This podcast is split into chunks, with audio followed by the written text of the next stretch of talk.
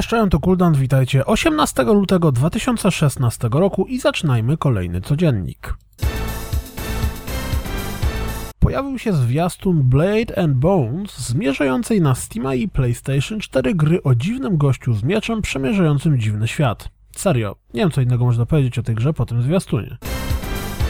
Dostaliśmy kolejny zwiastun pokazujący niektóre z 50 postaci z The King of the Fighters 14.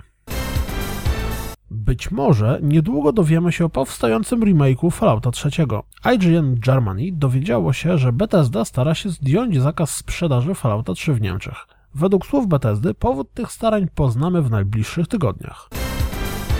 Jeśli przegapiliście tę informację, to przypominam, że Rocket League zadebiutował na Xboxie One. Na Kickstarterze trwa zbiórka na bardzo interesującą grę przywodzącą na myśl Papers, Please.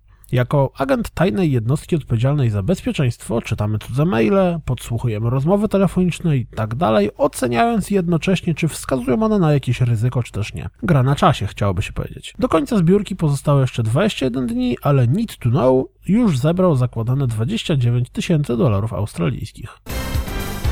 Jeśli chcecie wcześniej otrzymać dostęp do nowej wersji systemu PlayStation 4 i zarazem być jego darmowym beta testerem, to Sony czeka na Wasze zgłoszenia. Jeśli planujecie wziąć udział w otwartej becie The Division, to można już ściągać klienta gry.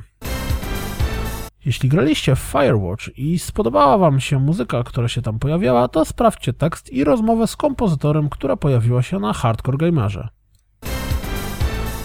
Jeśli zamierzacie ogrywać nowy, śnieżny dodatek do Cities Skylines lub spędziliście trochę czasu przy grze już wcześniej, to warto sprawdzić wywiad z lead developerem gry, czyli Karoliną Korpo pojawił się kolejny materiał wideo związany z Hitmanem, a dotyczący level designu gry.